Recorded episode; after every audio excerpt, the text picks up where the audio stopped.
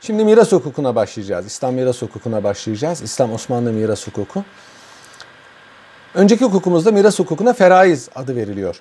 Feraiz farizalar demektir. Farizanın çokluk halidir. Ne demek fariza? Fariza ne demek? Ee, bir kimsenin hissesine düşen farz olarak verilmesi farz olan miktarlar demektir. İslam miras hukukunun ismi bu. İslam miras hukuku ahvali şahsiye bahislerinin sonuncusudur. Şahıs hukuku, aile hukuku ve miras hukuku. Şimdi arkadaşlar İslam miras hukuku nevi şahsına münhasır bir hukuktur. Yani mesela İslam hukukunun başka bazı e, kaideleri başka hukuk sistemleriyle benzer. Mesela İslam borçlar hukukunun Roma borçlar hukukundan veya modern borçlar hukukundan çok da farkı yoktur. Ceza hukuku keza. Aile hukuku öyle. Fakat miras hukuku çok farklı. Mentalite olarak çok farklı. Anlatıcı anlaşılacak belki. Miras hukuku okumasanız bile, okumamış olsanız bile. Şimdi arkadaşlar, İslam hukukuna göre bir kimse öldüğü zaman en evvela onun teçhiz, tekvin ve tedfin masrafları karşılanır. Ya bir kimse öldüğü zaman onun teçhiz demek yıkanması, tekvin kefenlenmesi, tedfin de defnedilmesi demektir. İslam hukukunda, daha doğrusu İslam dinine göre bir kimsenin öldüğü zaman gömülme mecburiyeti var. Mutlaka gömülecektir. İslam hukukunda ölülerin yakılması veya başka türlü bir şekilde e, muhafaza edilmesi caiz değildir. Her ne şekilde olursa olsun bir kimse öldüğü zaman önce cenaze masrafları onun terekesinden çıkarılır. Terekesinden çıkmıyorsa, mal varlığından çıkmıyorsa ölenin bıraktığı mal varlığına terek ederler arkadaşlar. Mamelekin ölünün bıraktığına terek ederler. Ölüye miras bırakana muris, onun e, mirasçılığına da varis derler. E, kendi mal varlığından çıkmıyorsa e, akrabaları değilse efendim bütün Müslümanlara değilse Beytülmale bunun e, cenaze masraflarını karşılamak bir borçtur. Cenaze defnedildikten sonra arkadaşlar kalan kısımdan borçlar ödenir. Borçlar ödenir. Ölümle borçlar düşmez. Ma terekeye intikal eder. Terekenin borçları haline gelir. Adamın 100 lira borcu varsa, 150 lira terekesi varsa 100 lira borçlar ödenir, 50 lira kalır. Bir adamın 100 lira borcu var da 90 lira terekesi varsa 90 lirayla borçlar ödenir, 10 liraya soğuk su içerler. Çünkü ölümle borç düşer arkadaşlar. Kefili yoksa. Kefili varsa kefilden alır. Kefili yoksa borç düşer. Ama varis diyebilir ki veya üçüncü bir şahıs diyebilir ki adamcağız borçlu gitmesin ben ödeyeyim. O ayrı bir mesele. Ayrı bir meseledir. Borçlar ödendikten sonra varsa vasiyetler yerine getirilir. O da kalan mal varlığının üçte birinden. Diyelim ki bir adamın 100 lirası var. 10 lira borcu vardı. 10 lira borcu ödenir. Geriye kalanı 90 lira. 90 liranın 30 lirasıyla vasiyette bulunabilir. Diyelim ki 50 liraya vasiyette bulundu. indirilir 30 liraya. Ama varisler derse ki biz razıyız olabilir. Mesele yok. Ve bu vasiyetin de varisi yapılmış olmaması lazım. Yani bir kimse karısına, oğluna, kızına e, vasiyette bulunamaz. Onlar zaten varisler. Üçüncü bir şahsa vasiyette bulunabilir ve üçüncü bir cihete vasiyette bulunabilir. Onun da üçte birden çıkması lazım. Bir kimse varisine vasiyette bulundu ama diğer varislere izin veriyorsa gene mesele yoktur. Vasiyetler de yerine getirildikten sonra kalan kısımdan mirasçılara taksim edilir. Şimdi arkadaşlar demek ki bu dörtlü bir safa var. Şimdi bunun neticesi olarak arkadaşlar şer'i miras hukukunda külli halefiyet yoktur. Yani bir kimse öldüğü zaman önce borçlar ödeniyor, kalırsa e, mirasçılara intikal ediyor. Günümüzde ise miras bir bütündür. Borçlarıyla, alacaklarıyla, bütün ma mal varlığıyla ve varislere intikal eder. Ancak varislere bir hak tanınmış. Belli bir zaman içinde bakarlar mirasın vaziyetine ve mirası reddedebilirler. Tabii İslam hukukunda öyle değil. Zaten borçlar önce ödeniyor. Onun için mirasın reddi diye bir şey mevzu bahis değildir. Çünkü önce borçlar ödeniyor, vasiyetler yerine getiriliyor. Kalırsa mirasçılara taksim ediliyor. Şimdi öyle değil. Önce mirasçılara geçiyor. Sonra mirasçılar ya borcu ödüyorlar ya e, borcu ödemekle kabul ediyorlar mirası veya mirası reddediyorlar. Daha garip bir sistem bu. Önceki sistem daha iyi. Yani İslam miras hukuk sistemi daha iyidir. Pek çok cihetten modern miras hukuklarına müreccahtır. Bizim Şakir Berk diye bir hocamız vardı. Onun böyle bir makalesi var. İmparatorluk miras hukuku, Cumhuriyet miras hukukundan daha üstün ilkelere, prensiplere sahiptir derdi. Şer'i miras hukukunun bir başka hususiyeti arkadaşlar, e, miras mevzunun mülk olan mallar olmasıdır. Bir kere mülkler intikal eder, mülk olmayanlar intikal etmez. Binaenaleyh mülk olmayan mallar da intikali mevzudur.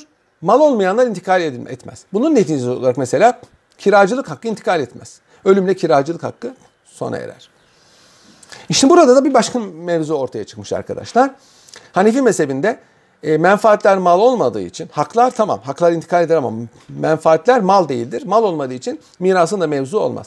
Peki bir kimse öldüğü zaman kira hakkı biten, kiracı, varisler kiracılığa devam etmezler veya tersi.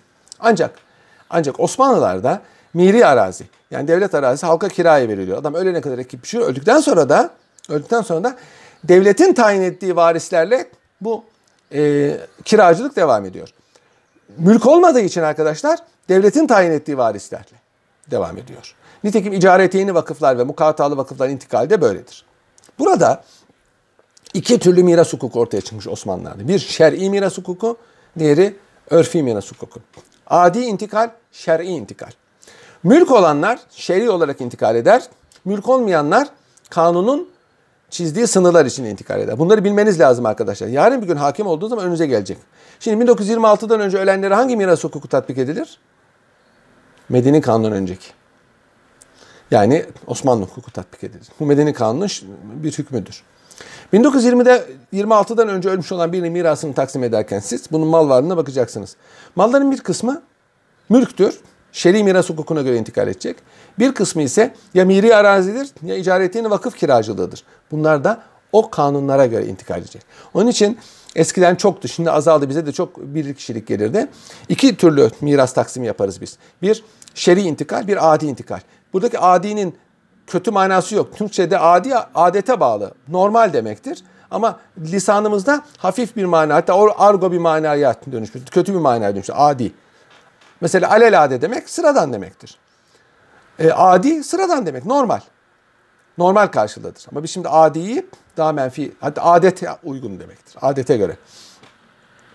İki türlü taksim yapıyoruz. Bir, adamın mallarını, mülklerini şer'i intikalle intikal ettiriyoruz. Şer'i varislerine. Orada kimsenin tasarruf hakkı yok. Şer'i varis kimse o. Miri arazilerini ve icaretini vakıf lehtarlığını ise kanuni kanunun tespit ettiği kişilere intikal ettiriyoruz. İki türlü intikal var. Mahkeme bunu bu şekilde tescil eder. Böylece iki tane intikal türü ortaya çıkmış. Şer'i miras hukuku hükümleri amir değil arkadaşlar. Yani taraflar bunu bertaraf edebilirler. Nasıl? Anlaşarak. Anlaşarak. Mesela şimdi Kur'an-ı Kerim'de en teferruatlı sayılan hükümler miras hükümleridir. Mesela namaz, oruç, hac, zekat Kur'an-ı Kerim'de tafsilatla anlatılmamıştır. Ama miras hükümleri, miras hükümleri çok tafsilatla anlatılmıştır. Neden? Çünkü Hazreti Peygamber zaten örnektir. Namazda, oruçta, hacda, zekatta zaten insanlar Hazreti Peygamber'e bakarak onu örnek alırlar. Ama miras öyle değil. Mirasta onun için Kur'an-ı Kerim çok tafsilatlı hüküm getirmiş. Yine de sünnetin de tamamladığı hükümler olmuştur İslam miras hukukunda. Herkesin hükmü belli. Ne kadar miras alacağı belli, hissesi belli. Ama taraflar anlaşarak diyebilirler ki ben bu kadar almayayım, fazla alayım, az alayım. Mümkün. Anlaşarak paylaşmak mümkün. Çünkü arkadaşlar miras kalan tereke mirasçılar, varisler arasında bir mülk şirketidir. Şimdi diyelim ki sizin bir mülk şirketiniz var. 5-6 arkadaş bir şey satın aldınız. Bu malı istediğiniz gibi taksim edebilir misiniz? Evet. Hisseleriniz farklı da olsa siz rızayla istediğiniz şekilde taksim edebilirsiniz. Birine fazla verebilirsiniz, birine az verebilirsiniz rızayla. Mirasta da herkesin rızasıyla insanlar malı dilediği gibi taksim edebilirler. Der ki ya ev be, benim olsun, şey ev annemin olsun. Tabii annenin hissesinden daha fazla ev. Yazlığı da kız kardeşime verelim. İşte köydeki tarlada benim olsun. Olur.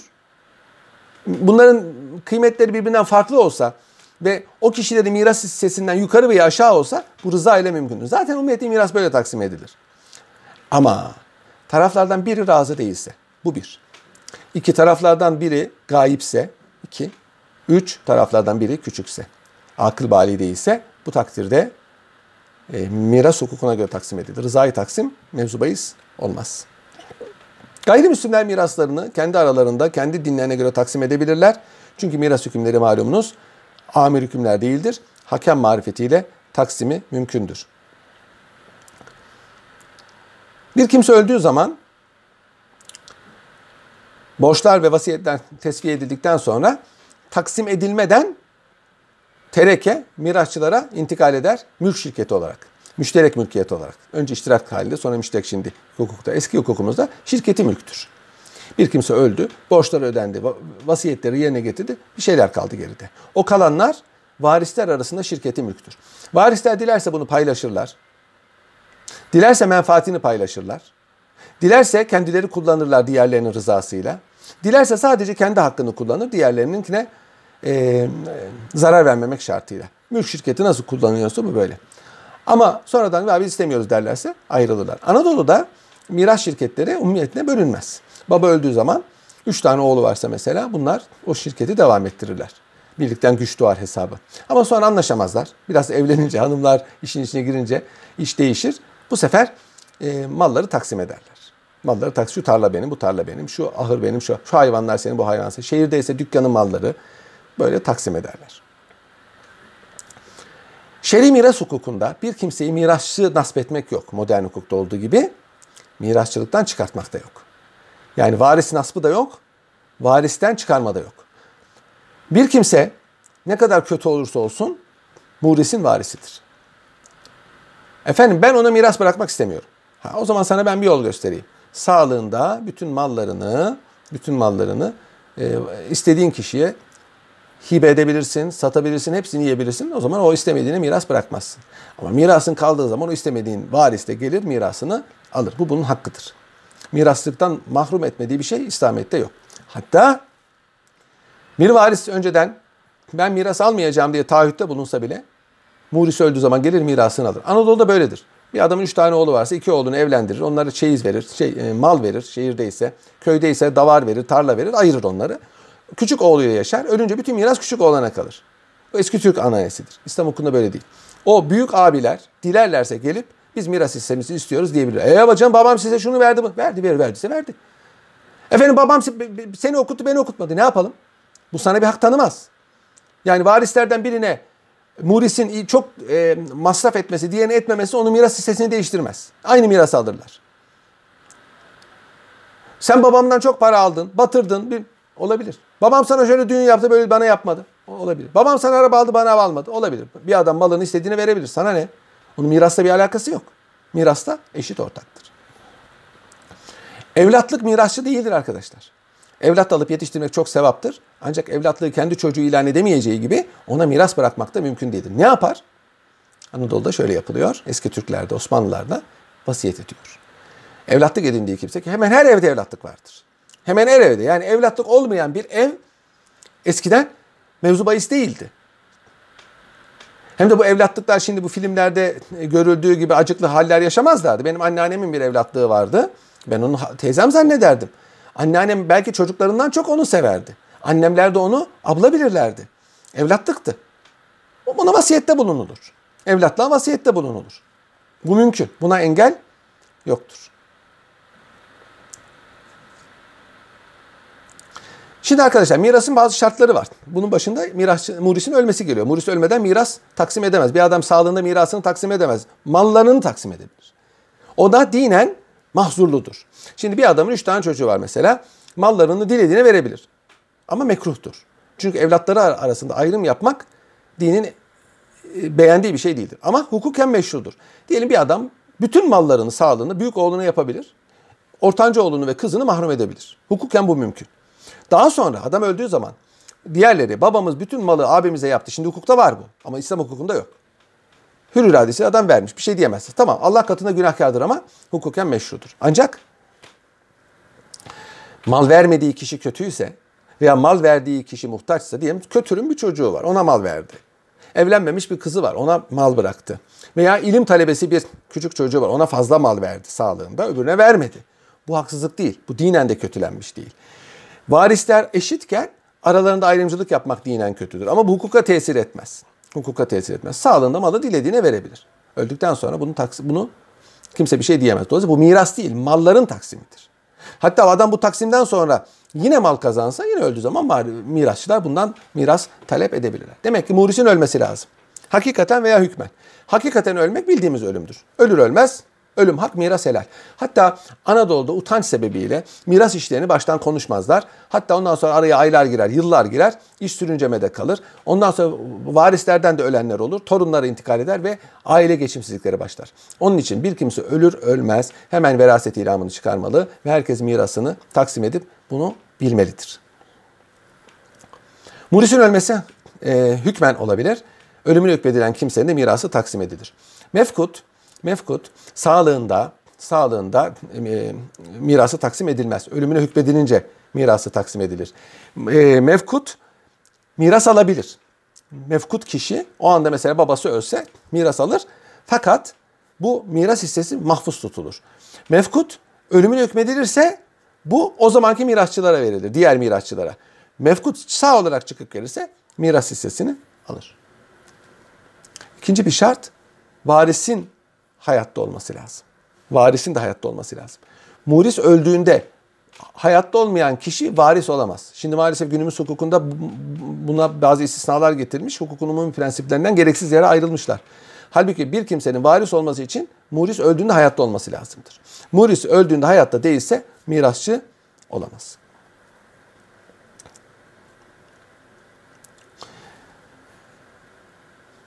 Bu miras almanın bir başka şartıdır. Şimdi ana rahmindeki çocuk biliyorsunuz sağ olarak doğmak kaydıyla miras alabilir. Çünkü o e, takdiren hayattadır. Ana rahmindedir. Sağ olarak o, o anda babası ölse mesela miras alabilir. Sağ olarak doğarsa. Sağ olarak doğmazsa hiçbir şey yok. Sağ olarak doğma şartına bağlanmıştır. Mürtet, dinden çıkan kimsenin malları askıdadır. Malları askıdadır e, öldüğü zaman malları mirasçılarına intikal eder. Mürtet o anda mirasçı olamaz. Bazı miras manilerinin de olmaması lazım. Bunlardan başında din farkı geliyor arkadaşlar. Müslüman gayrimüslime, gayrimüslim Müslümana mirasçı olamaz. Bir kimsenin babası Müslüman olsa, oğlu gayrimüslim olsa öldüğü zaman gayrimüslim oğluna miras düşmez. Aksi de var ettir. Ancak sonradan Müslüman olmuşsa, öldü, ölmeden önce Müslüman olmuşsa mirasçı olabilir. Bunun hilafını düşünen hukukçular varsa da ekseriyetin kabili budur. Dar farkı miras manesi değil. Yani e, Osmanlı İmparatorluğu'nda yaşayan bir Müslüman, Hindistan İmparatorluğu'nda yaşayan bir Müslümana mirasçı olabildiği gibi Osmanlı ülkesinde yaşayan bir Müslüman, Fransa'da yaşayan bir Müslümana da mirasçı olabilir. Yani ister Darül İslam'da yaşasın, ister Darül Harp'te yaşasın. Ancak Darül İslam'da yaşayan gayrimüslimler, Darül Harp'te yaşayan gayrimüslimlere, Darül Harp'te yaşayan gayrimüslimler de Darül İslam'da yaşayan gayrimüslimlere mirasçı olamaz. Burada dar farkı, ülke farkı bir e, engeldir. Katil miras engelidir. Bir kimse öldürdüğü kimsenin mirasını alamaz. La irselil katil buyurdu Hazreti Peygamber. Bir kimse mesela babasını öldürse cezası var ama ayrıca miras da alamaz.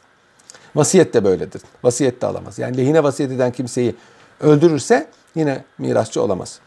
Köle mirasçı olamaz. Bir kimse e, köle olsa ve e, muris miras bıraktığı zaman bu miras alamaz. Çünkü bunun aldığı efendiye gidecek. Ya bir adamın oğlu köle olsa babası ölse ona miras kalacak. O miras efendiye gidecek. Onun için köle miras alamaz. Gayri sayı nesepli çocuk miras alamaz. Gayrimeşru çocuk miras alamaz. Ancak babası onu tanımış da baba olarak kabul etmişse ayrı. Bir de ölüm tarihinin bilinememesi miras manisidir. İki kişi aynı anda ölmüş ve hangisinin önce öldüğü tespit edilemez. Umumiyetle trafik kazalarında olur veya tabi afetlerde olur. O takdirde iki kişi de birbirine mirasçı olamaz. Varisin meçhul olması da böyledir. Yani adamın bir varisi var ama bilemiyoruz kim.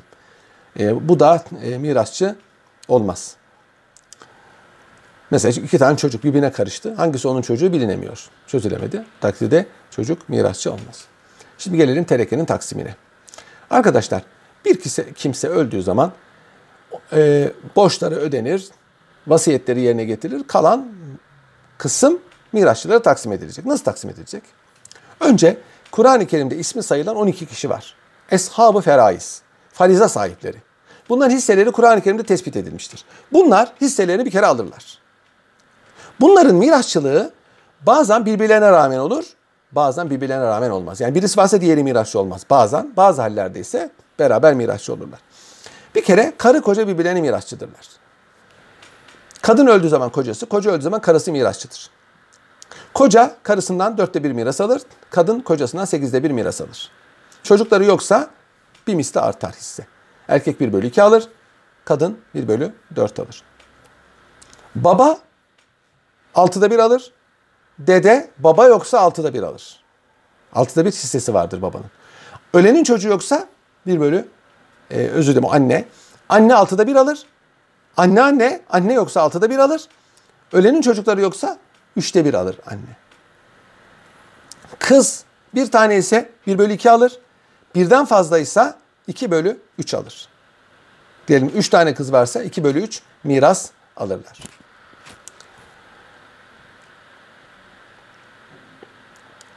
Oğlun kızı, oğlan ölmüş, kız hayatta, o da mirasçı olur. O da miras alır. O da e, bir tane ise farklı, birden fazla ise farklı alır. Anne baba bir kız kardeşler mirasçıdır, hesabı feraizdir. Baba yoksa bunlar miras alırlar. Baba bir kardeşler mirasçıdır, baba yoksa bunlar miras alırlar. Anne bir erkek ve kız kardeşler mirasçıdır. Bunlar herhalde mirasçı olurlar. Çocuğu yok ise, ölenin çocuğu yoksa bunlar mirasçı olurlar. Bu 12 kişiye eshabı feraiz deniyor arkadaşlar. Bu 12 kişi öncelikle hisselerini alırlar. Bunlar hisselerini aldıktan sonra arkadaşlar her birinin hissesi farklı. Yani bir, bir tanesi 1 bölü 8, 1, 1 bölü 6 var, 1 bölü 4 var, 1 bölü 3 var, 1 bölü 2 var. Yani bunlar çok birbirinden farklı. Bunlar hisselerini aldıktan sonra arkadaşlar sıra asabe denen akrabalara gelir. Asabe denen akrabalara gelir. Asabe denen akrabalar kimdir? Asabe denen akrabalar arkadaşlar o kimsenin erkek bağıyla, kan bağıyla bağlı olan akrabaları demektir. Bir kimsenin oğlu, oğlunun oğlu, babası, babasının babası, erkek kardeşi, erkek kardeşinin oğlu, amcası, amcasının oğlu bunlar hep asabedir. Bunlar asebeyi nesebiye diye biliniyor. Nesep asebeleri. Yanlış şunu düşünmeyin. Yani e, asabe sadece erkek akrabalar değildir. Hayır. Erkek kardeşleriyle beraber kız kardeşler de asabe olur. Ona da asabeye sebebi ederler. Mesela bir kimsenin bir kimsenin kızı eshabı feraizdir. İki tane de olsa, üç tane de olsa. Ama adamın bir tane, Muris'in bir tane oğlu varsa diğer kızlarla beraber hepsi asabe olurlar. Hepsi asabe olur. Eshab-ı feraiz olmaktan çıkarlar. Hepsi asabe pozisyonuna girerler. Bir adamın kız kardeşleri eshab-ı feraizdir. Ama erkek kardeşi de varsa o takdirde hepsi birden eshabı e, özür dilerim asabe olurlar arkadaşlar. Yani erkeğin var olması bazıdan bazı kadınları da asabe haline getirir. Asabe arkadaşlar baba asabedir. E şimdi diyeceksiniz ki biraz evvel dediniz ki hesabı feraizdir. Baba hem hesabı feraizdir hem asabedir. Nasıl oluyor bu? Şimdi bir adam öldü. Morris. Babası var, annesi var, karısı var, bir tane de kızı var. Karısı 1 bölü 8 alır. 1 bölü 2 kızı alır. 1 bölü 6 annesi alır. 1 bölü 6 babası alır. Geriye arttı. Onu baba alır tekrar asabe olarak. Bir kimsenin bir kimsenin bir tane oğlu var. Bir tane kızı var. Ee, babası var, annesi var, karısı var. 1 bölü 8 karısı alır. 1 bölü 6 anne alır. 1 bölü 6 baba alır. Geri kalanı asabe olarak çocuklar paylaşır. Yani çocuklar babaya bak orada baba artık asabe olmuyor. Niye oğlu var çünkü. Oğlan daha yakın asabedir. Yani baba her iki halde de bu bulunuyor. Eshab-ı feraiz olarak belli bir hissesi var. Altıda bir. E, ayrıca asabe olarak geri kalanı alıyor. Geri kalanı alıyor. Bunun dışında dede, babanın babası. Baba yoksa o da Eshab-ı feraizdi. Burada da asabe oluyor arkadaşlar. Altıda birden başka bu kalanı alıyor. Diyelim bir adam öldü. Hiç kimsesi yok. Sadece babası var. Bütün mirasını babası alır. Hem hesabı feraiz hem asabe. Yani iki halde de baba mirasçıdır arkadaşlar.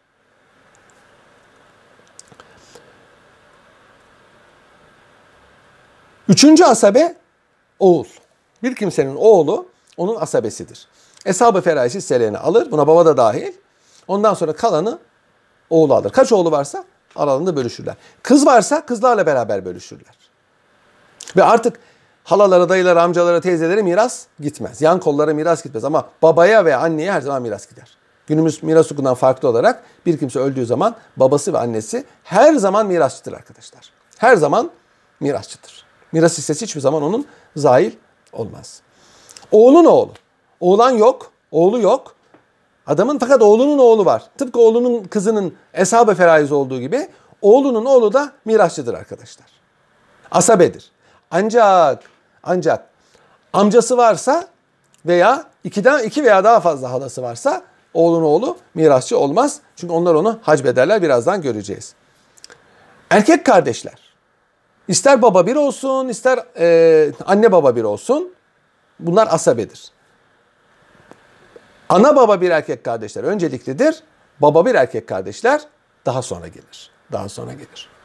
Erkek kardeşlerin oğulları, onların oğulları da asabedir. Bunlar yoksa amcalar, amcaların oğulları, bunlar yoksa babanın amcaları, onların oğulları hepsi asabeye dahildir arkadaşlar. Hepsi asabedir ve sırası gelen miras hissesini alır. Şimdi arkadaşlar bir de bir de e, bu asabeler arasında bir yakınlık e, sırası mevzu bahistir. Bir de arkadaşlar e, bu, buraya kadar anlattıklarım buraya kadar anlattıklarım asabi nesebiyeydiler. Nesepten asabeler yani soydan asabeler. Bunların bir kısmı asabe bir nefsiyidir yani erkekler. Diğeri asabe bir gayriyidir yani kızlar. Kızlar erkek kardeşleri varsa asabe oluyorlar. Bir de asabi sebebiye denilen bir e, mirasçı var. O da eğer muris azatlı bir köle ise efendisi asabeyi sebebiyeden mirasçı olur. Şöyle e, diyeyim bir kimsenin azatlı bir köle öldü. Eshab-ı feraizden mirasçısı yok. Yani annesi yok, babası yok, karısı yok, kızı yok. Asabesi de yok. Oğlu da yok, kardeşi de yok, amcası da yok. Bunun efendisi onun mirasçısıdır. Ondan sonra arkadaşlar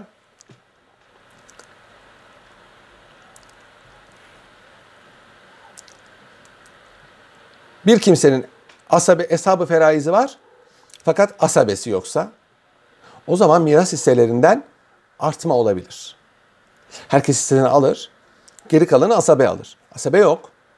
Ortada bir miktar meblağ kaldı. O meblağ arkadaşlar eshab-ı feraize hisseleri nispetinde dağıtılır. İşte 1 bölü 6 nispetinde babaya, 1 bölü 6 nispetinde anneye, 1 bölü 8 nispetinde e, çocuklar. Zevç ve zevce alamaz burada. Zevç ve zevceye verilmez. Çocuklar ve anne babaya e, bu eshab-ı feraize dağıtılır. Kalırsa tabii. Kalmazsa mesele yok. Çünkü bazen arkadaşlar eshab-ı feraize miras taksim edilirken e, mirasçıların varislerin hisseleri farklı olduğu için artma olabilir. Veya azalma olabilir. Şimdi millet diyor ki Kur'an-ı Kerim uydurma. Nereden çıkardınız? Miras hisselerini biz hesapladık. Artıyor eksiliyor. E tamam onun cevabı var. Artarsa indirilir. Eksik kalırsa tamamlanır.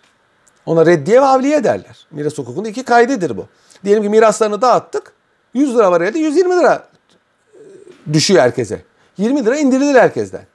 Veya dağıttık 100 lira mirası dağıttık 90 lira. 10 e, lira arttı. Onu da tekrar mirasçılara dağıtırız. Reddederiz. Reddiye yaparız veya avliye yaparız. Bunun da yolu vardır.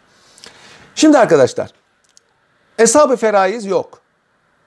Asabe yok.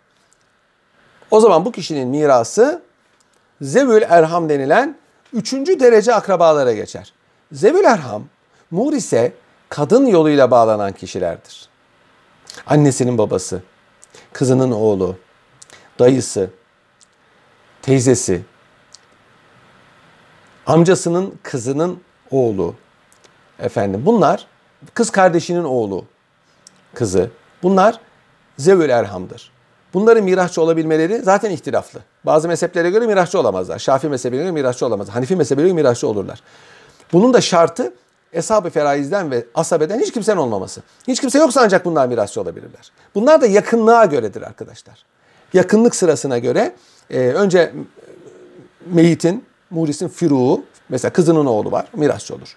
Sonra usulü, ondan sonra meyitin babasının usulü, sonra cet ve ceddesinin usulü bu şekilde e, aşağıya doğru iner. Bir misal vereyim. İki tane teyze çocuğu müftüye gitmişler.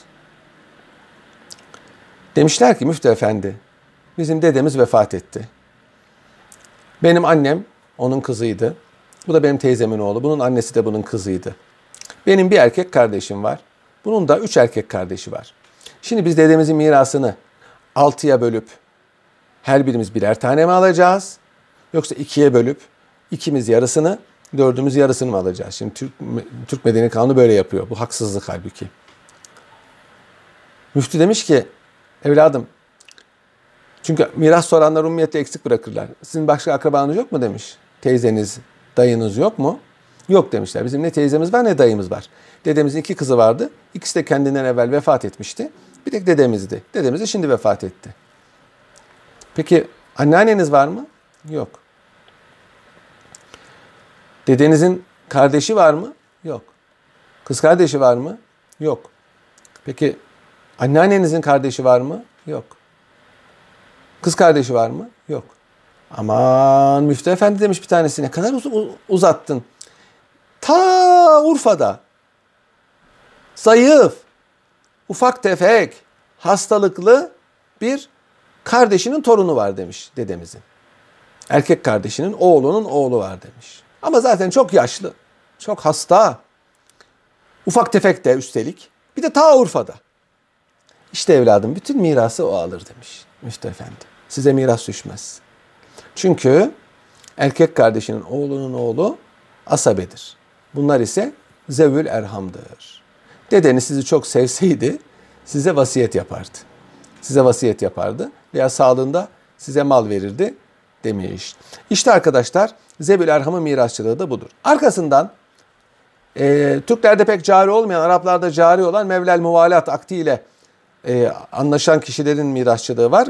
Burada bir kişi Müslüman oluyor ama Müslümanlar arasında akrabası yok. Gidiyor bir Müslümana diyor ki senden biz kardeşlik akti yapalım, muvalat akti yapalım, dostluk akti yapalım. Birbirimizin velisi olalım. İşte bir cinayet işlersek e, bunun diyetini ödeyelim. Bir ölürsek de mirasçı olalım. İşte burada da malum Hazreti Peygamber Mekke'den Medine'ye geldiği zaman Eshab-ı Kiram arasında muvalat akti e, yapmıştı. Bu takdirde e, mirasçı olur o kişi. Diyelim ki Mevlel muvalat da yok. Eshab-ı feraiz yok. Asabe yok. Ee, Zevül Erham yok. Mevlel muvalat yok. Bu sefer mukarrun leh. Bin nesebe alel gayr. Ee, birisi benim kardeşimdir diye birisinin kendisinin soyu olduğunu söylemiş. Fakat o kabul etmemiş. Kabul etmemiş bunu. Kendi kabul ediyor kardeşi olduğunu ama o kabul etmiyor. Ona miras kalır. Ona miras kalır. Bu da yoksa mirasın geri kalanı vasiyetlere harcanır. Demek ki bir adamın hiç mirasçısı yoksa malının tamamını vasiyet edebilir. Vasiyeti de yok ise arkadaşlar miras beytül male kalır. Beytül malde yoksa o kişinin mirası Müslümanlara sadaka olur. Şimdi arkadaşlar kısa bazı prensipler söyleyeceğim miras hukukuyla alakalı. Şimdi mirasta biraz evvel şeyi anlattım. Reddiye ve avliyeyi anlattım. Yani eshab-ı feraize miras taksim edilirken artarsa indirilir. Az gelirse arttırılır. O onda bir problem yok. Buna reddiye ve avliye deniyor. Bazen arkadaşlar bir mirasçının varlığı diğer mirasçıyı mirastan mahrum eder. Yakın akraba uzak akrabayı mahrum eder. Mesela amca varsa oğlun oğlu miras alamaz. Çünkü amca yakın akrabadır, oğludur, torunundan daha yakındır. Adamı mirastan mahrum eder. Bazen de e, mirasçıların varlığı kısmen mahrum eder. Mesela adamın çocuğu yoksa karısı öldüğü zaman 1 bölü 2 alır. Çocuğu varsa 1 bölü 4 alır. Burada hacbı noksan. Kısmi hacb var. Diğerinde ise amcanın varlığı yeğeni e, mahrum ediyor. Orada e, hacbi hırman var. Şimdi diyeceksiniz bu torun niye miras alamıyor? Dede yetimi denir buna. Dede yetimi miras alamaz çünkü o varis değil. Varis değil. O babasının varisiydi. Babası daha önce öldü. Babası ona zaten miras bıraktı. E dedesi zaten ona bakacak. Ortada kalmayacak ki o. Babası öldüğü zaman amcası, dedesi, halası ona bakmakla mükellef. Nafaka mükellefiyeti ayrıdır. Dede çok istiyorsa ona miras bırakabilir. Nitekim benim dayım Yunan Harbi'nde şehit düştü. İki tane erkek kardeşi var. Onun çocuklarına hiç miras düşmezdi normalde. Fakat dedem onların çocuklarını e, evlatlık e, vasiyet yaptı. Yani ölen oğlunun çocuklarını o zaman çünkü medeni kanun yok 1921'de çünkü vasiyet yaptı. Onlar yani ölen çocuk ölen oğlunun çocukları diğerlerinden fazla miras aldılar. Üçte bir onlara düştü. Halaları falan da var. Daha çok miras düştü onlara. Bu da bu da mümkün. Yani onun için dede yetim o kadar da birbirinden mahrum değil. Şimdi terekeyi taksim etmeden evvel varislerden bir veya birkaç ölürse bu sefer iş değişir. Bu sefer iki hesaplama yapmak icap eder. Önce birinci moristen ona intikal edenleri sonra ondan onun varislerine intikal. Buna münasaha adı veriliyor. Daha önce de anlattım arkadaşlar. Miras anlaşmayla taksim edilebilir. Mirasçılardan bir kısmı e, bana şunu verin ben başka miras istemiyorum diyebilir veya ben hiçbir şey istemiyorum diyebilir. O takdirde o kişi e, o malı aldıktan sonra kalanı diğerleri paylaşırlar. Şimdi arkadaşlar burada kadının miras hissesinden bahsetmek istiyorum. Şimdi bir kimse öldüğü zaman öldüğü zaman işte karısı 8'de 1 alıyor. Bir kızı varsa 1 bölü 2 alıyor. 2 veya daha fazla kızı varsa 2 bölü 3 alıyor. Ama oğulları varsa anne karısı 8'de 1 aldıktan sonra geri kalanı oğluyla kızı paylaşıyor. İkili birli. İki hisse oğlan alıyor, bir hisse kız alıyor. Ee, baba varsa babanın da annenin de miras hisseleri var elbette. Çocuklar varsa zaten halaya dayıya falan onlara zaten miras gitmez. Ama dedeye ve nineye miras gider. Yani ölenin annesine babasına miras gider. Çocukların varlığı onları mahrum etmiyor. Şimdi arkadaşlar bir kere e, mirasta kadının hissesi yarımdır sözü yanlış. Böyle bir şey yok. Mirasta kadın hissesi yarım değildir. Bazen yarımdır bazen değildir. Mesela bir adam öldüğü zaman babasının hissesi 1 bölü 6, annesinin hissesi de 1 bölü 6. Annenin 12'de 1 alması lazım. Madem o mantığa göre. Halbuki öyle değil. Halbuki öyle değil.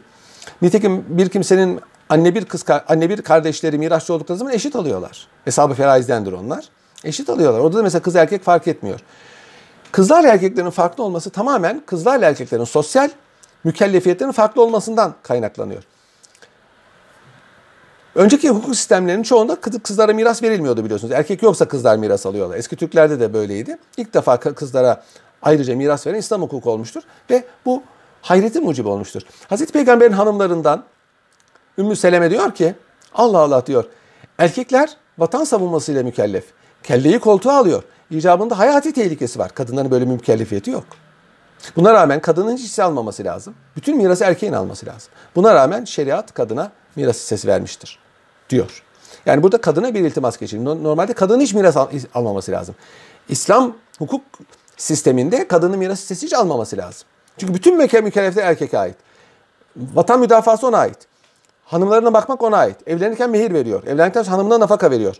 Ee, anne babasına nafaka veriyor. Kız kardeşi öldüğü e, birini öldürse diyetini o ödüyor. Ama o birini öldüğü zaman kız kardeş diyete iştirak etmiyor. Bu sebeple e, normalde erkeklerin mükellefiyetleri çok farklı, kadınların mükellefiyetleri çok az. Normalde hiç hisse verilmezken kadına iltimas edilerek hisse verilmiştir. Kardeşleriyle beraber olduğu zaman. Ama bunun dışında böyle bir şey yok. Bakın mesela bir adamın oğlunun oğlu olsa e, bir de kızı e, kızı olsa kız mirasın yarısını alıyor. Oğlunun oğlu daha az alıyor. Onun için yani bazen kadınların durumu e, erkeklerden daha iyi olabiliyor. Sadece kardeşlerle asabe olarak bir aradalarsa asabe olarak o zaman kadın hissesi e, yarımdır. Erkeğin hissesi tamdır. Daha doğrusu erkeğin iki hisse kız yarım hisse almaktadır. Evet vasiyetten bahsettim arkadaşlar. Bir kimse malını e, hayırlı ve şer'i meşru bir yere vasiyet edebilir. Cami yaptırın diyebilir, çeşme yaptırın diyebilir, fakirlere yemek verin diyebilir veya filancaya bırakıyorum diyebilir. Evimi filancaya bırakıyorum diyebilir veya şuna 100 lira veriyorum filanca hizmetçime, köleme, e, azatlı köleme 100 lira diyebilir. Bu terekenin üçte birinden çıkıyorsa bir kere meşru olacak. İki terekenin üçte birinden çıkacak. Yani borçlardan arta kalan üçte birinden. Borç varsa zaten vasiyet ödenmez. Geri kalandan üçte birden çıkacak. E çıkmıyor fazla o zaman indirilir. İndirilemiyor indirilemiyorsa e, iptal edilir. Bu takdirde varisler diyebilir ki ya biz madem babamız böyle istedi varsa ne olsun o zaman mesele yok.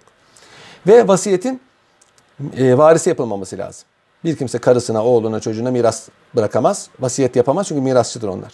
Ama diğerleri izin verirse buna e, engel yok. O zaman e, vasiyet yapabilir arkadaşlar. Tekrar ediyorum bir kimse ölmeden miras taksim edemez. Ancak mallarını hibe edebilir, bağışlayabilir. Ben e, mesela bir adam otursa dese ki ben sağlığımda mirası taksim ediyorum. E Ev annenizin tamam. Dükkan büyük oğlumun. E işte tarla ortanca oğlumun. E işte e, değirmen küçük oğlumun. Evet yazlık ev kızımın. Tamam bitti. E, ölünce hiçbir kıymeti yok. Veya bir kimse şöyle vasiyet edemez. Ben ölünce mallarımın şöyle vasiyet paylaşılmasını istiyorum. Ev hanımımın olsun. Dükkan oğlumun olsun. İşte e, tarla ortanca oğlumun olsun. Kıymeti yok. Varisler buna uymak mecburiyetinde değiller. Ölünce zaten onunla alakası bitiyor. Mirasıyla alakası bitiyor. Öldükten sonra için hibede bulunamaz bir kimse. Ancak bu kadar yapabilir. Ancak bu kadar yapabilir. Peki o zaman dersi bitiriyorum. Haftaya tekrar buluşmak üzere. Hoşçakalın.